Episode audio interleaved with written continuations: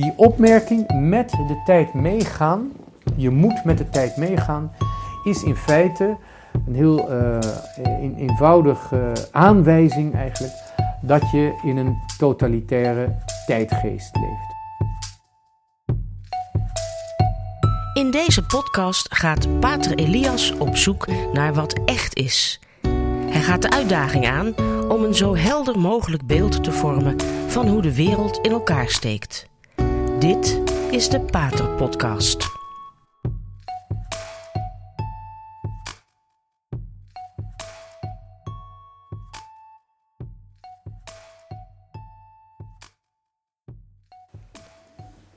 Ik wilde vandaag eens aandacht besteden aan begrippen die soms worden gebruikt over een ondemocratische samenleving of een ondemocratische politiek. En dan met name eigenlijk kijken wat is nou precies een totalitair regime. En hoe testen we of we in een totalitair regime leven. We hebben natuurlijk in het verleden hebben we wel gezien, of althans de geschiedenis kan beschrijven, wat, uh, tot, wat de regimes zijn die we totalitair zijn gaan noemen.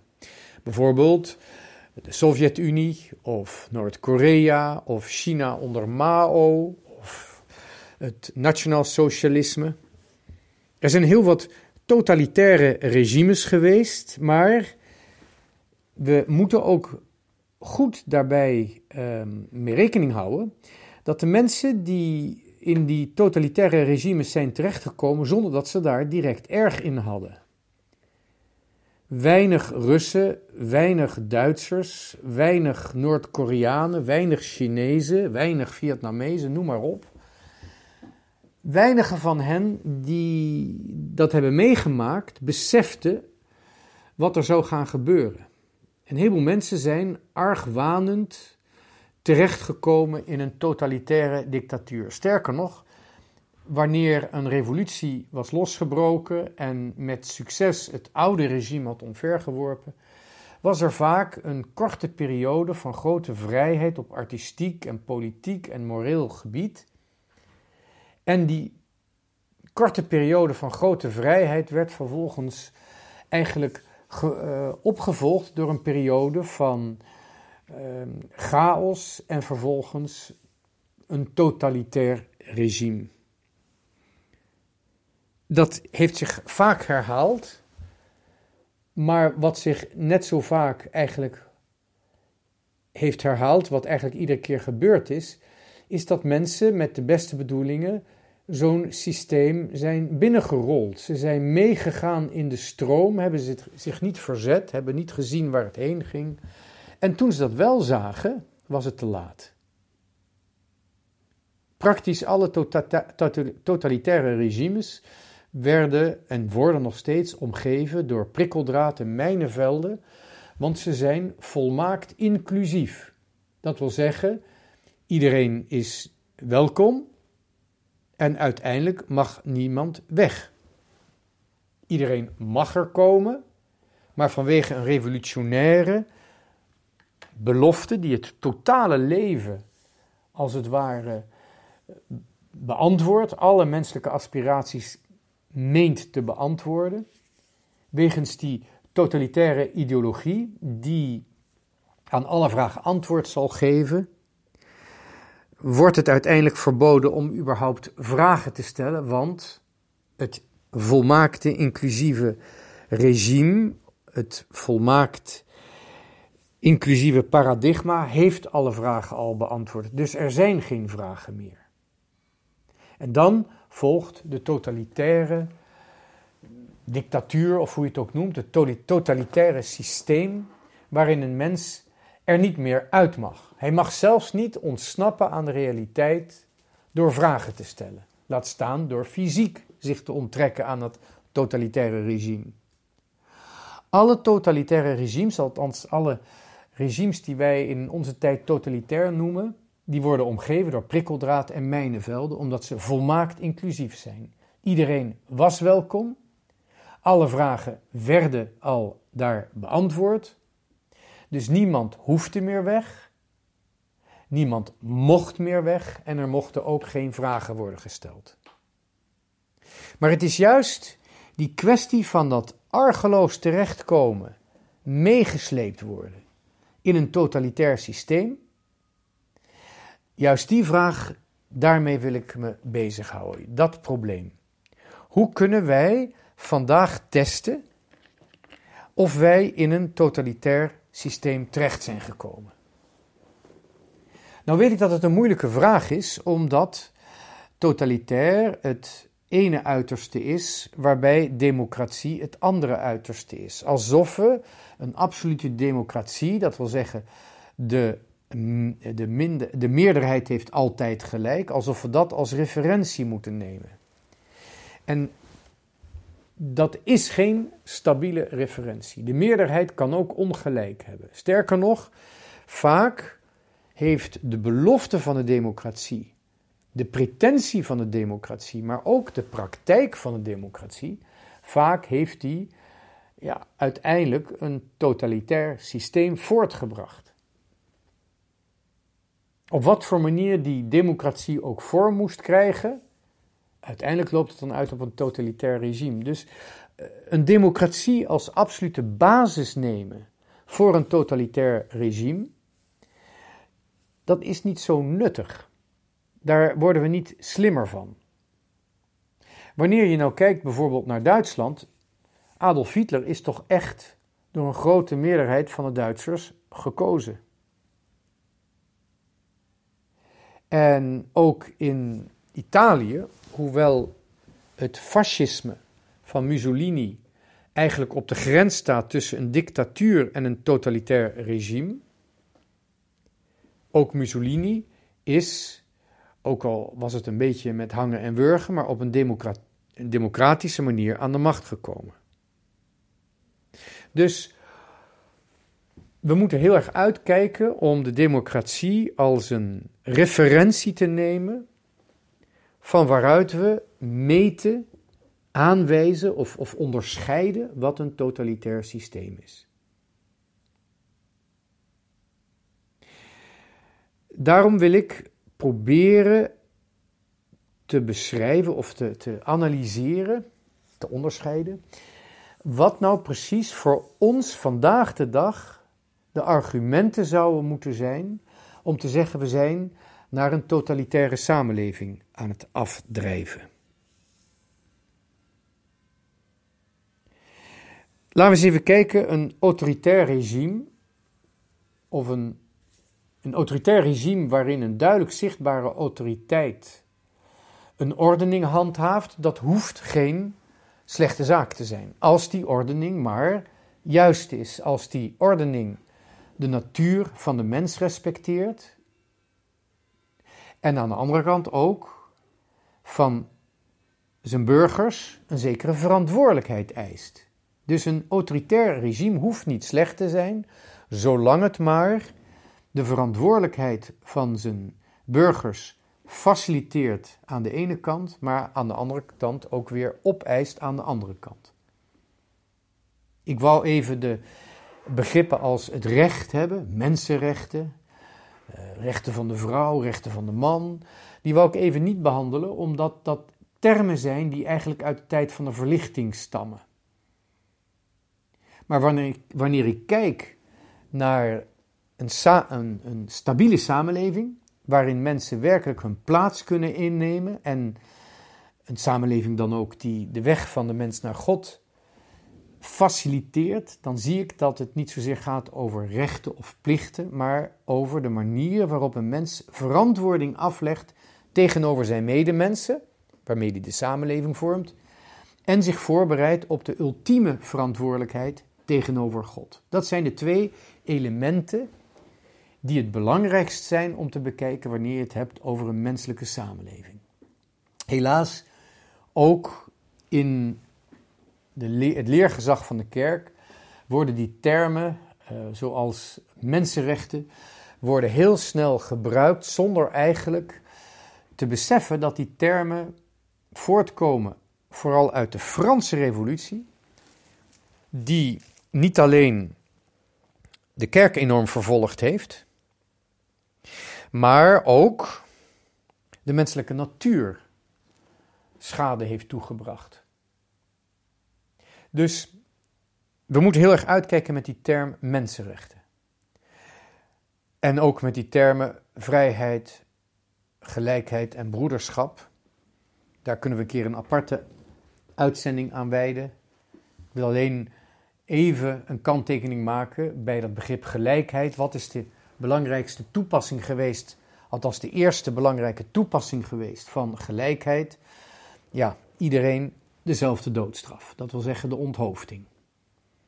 Geen verschillende vormen meer, geen klassen meer, geen. Nou ja, goed, laat ik zo zeggen.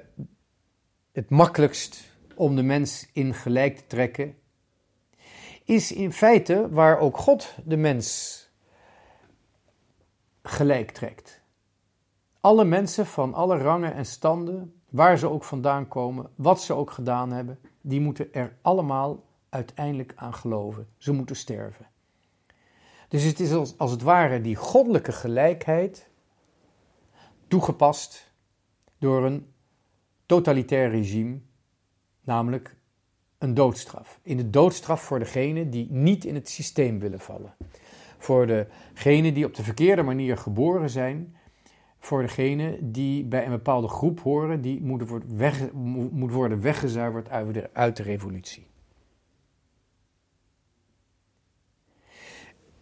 Een echte, hechte samenleving die weet waar ze heen gaat, die gaat niet zozeer uit van rechten en plichten. Want zowel rechten als plichten kunnen verafgoed worden. Kijk maar naar de Eerste Wereldoorlog. Daar werden de plichten vooral verafgoed. Als het een plicht was, was het goed. En vanuit dat dogma hebben vele duizenden zich laten afslachten op de slagvelden van de Eerste Wereldoorlog. Het was plicht, dus, dus was het mooi, het was goed, het hoorde zo. Terwijl aan de andere kant ook rechten een cultus kan worden, zoals we in onze huidige maatschappij zien. We hebben zelfs recht om gezond te zijn. De overheid moet alles betalen. Of ik nou rook of op een andere manier ongezond leef, ik moet door het gezamenlijke geld uit de verzekering of uit de belasting, moet ik genezen worden, want ik heb recht op gezondheid. Nou, daar hou je geen samenleving van bij elkaar. En sterker nog, daarmee geef je geen richting aan de samenleving. Het gaat om de gemeenschappelijke verantwoordelijkheid. Dat wil zeggen de verantwoordelijkheid die we tegenover elkaar en tegenover God afleggen. En nogmaals, daar kom ik dan nog even op terug. Een autoritair regime is niet per definitie verkeerd dus. Een autoritair, autoriteit is misschien een verboden woord, patriarchaat nog meer, maar eigenlijk is een regime of een regering of een overheid of een autoriteit die zich laat gelden, is degene die ter verantwoording roept, maar ook de omstandigheden schept om verantwoordelijkheid te beoefenen, om verantwoording af te leggen. Een dictatuur is een graadje erger, omdat de dictatuur eigenlijk de mens gaat voorschrijven wat zijn einddoel is. Dat hoeft een autoritair regime niet te doen. Een autoritair regime houdt in feite met kracht en met inzet openlijk een ordening in stand waarin de mens wel nog zijn eigen doel of geluk kan kiezen, waarin de mens wel zelf vrije keuzes mag maken over werk, over vriendschap en zelfs over de manier waarop hij God wil aanbidden. Dat kan allemaal binnen een autoriteit uh, binnen een autoritair regime mogelijk zijn. Een dictatuur gaat al een stapje verder. Een dictatuur gaat eigenlijk al tegen de verantwoordelijkheid van zijn mensen in. Een dictatuur gaat eigenlijk alleen maar testen of je precies doet wat de staat voorschrijft. De staat gaat in feite veel meer voorschrijven dan een faciliterende overheid zou doen. Dat is een dictatuur. Je wordt, als het ware, er wordt gedicteerd wat je moet doen. En in een dictatuur is dus ook de rechtspraak, dat wil zeggen de verantwoording die de burger aflegt tegen de overheid, is niet meer gebaseerd op verantwoordelijkheid, maar op het testen of bepaalde regels worden gevormd. De persoonlijke verantwoordelijkheid wordt niet meer meegerekend. Het gaat alleen maar om een testen van regels die zijn voorgeschreven en die niet getoetst zijn aan bijvoorbeeld de natuurwet of aan eh, de menselijkheid, de menselijke natuur om op een verantwoordelijke manier zijn eigen leven te maken, vorm te geven. Een dictatuur schrijft eigenlijk aan de mensen voor hoe ze hun leven vorm moeten geven en toetst dat bij de mensen en straft het af als het niet zo gebeurt zoals de overheid het voorschrijft. Wat dat betreft is een autoriteit of een autoritair regime kan nog oog hebben voor transcendentie, voor iets dat de mens overstijgt en daarom kunnen de bevelhebbers of de leiders of de autoriteiten binnen een autoritair regime, die kunnen in zekere zin nog de nederigheid opbrengen tegenover de medeburgers en tegenover God. Daarom kan, hoeft het ook niet verkeerd te zijn. In een dictatuur wordt dat anders. In een dictatuur is de mens als het ware wordt alleen gecontroleerd op de manier waarop hij een rationeel systeem in praktijk brengt, maar dat rationeel systeem dat beantwoordt wel aan ja, zijn eigen wetten. Het heeft geen transcendentie. Er zijn geen principes die van buiten afkomen. De reden beheerst als het ware alles. En de mens wordt getoetst op een rationele manier aan alles wat rationeel bepaald is, maar niet is getoetst aan iets dat die rationele principes overstijgt. Niet wordt getoetst aan de vermogens die de mens heeft om zelfs zijn eigen redelijke systemen te overschrijden. De dictatuur is eigenlijk al een systeem waarin alle handelingen, alle daden van de mens worden getoetst, aan alles wat al vast ligt. Er is weinig plaats meer voor andere zaken, een menselijke ethiek, voor naaste liefde, voor godsdienst, voor wetenschappelijk zoeken. Een dictatuur is eigenlijk een hele steriele vorm van rationeel regeerd worden, van rationeel uh, een regime uitoefenen. Een rationele staatsvorm die eigenlijk niet zo de mens zo faciliteert dat hij zichzelf en de zichtbare wereld kan overstijgen. Dus het, de dictatuur is dan ook een soort van systeem met oogkleppen. Maar een dictatuur kan ook tegennatuurlijk worden.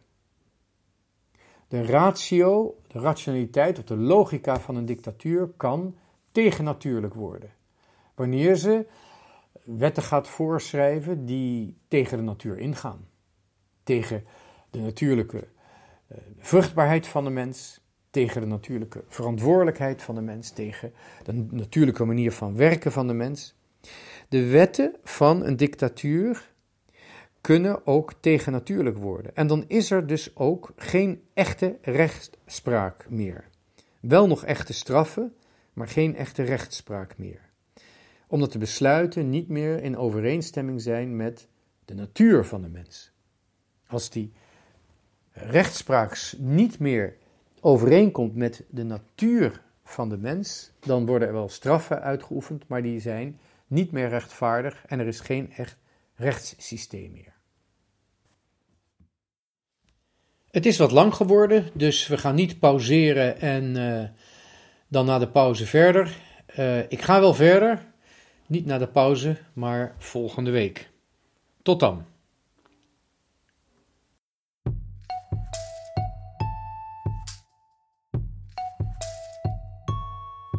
Dit was de Radio Maria Pater Podcast met Pater Elias. Deze podcast is online terug te luisteren via de website van Radio Maria en andere podcastplatforms.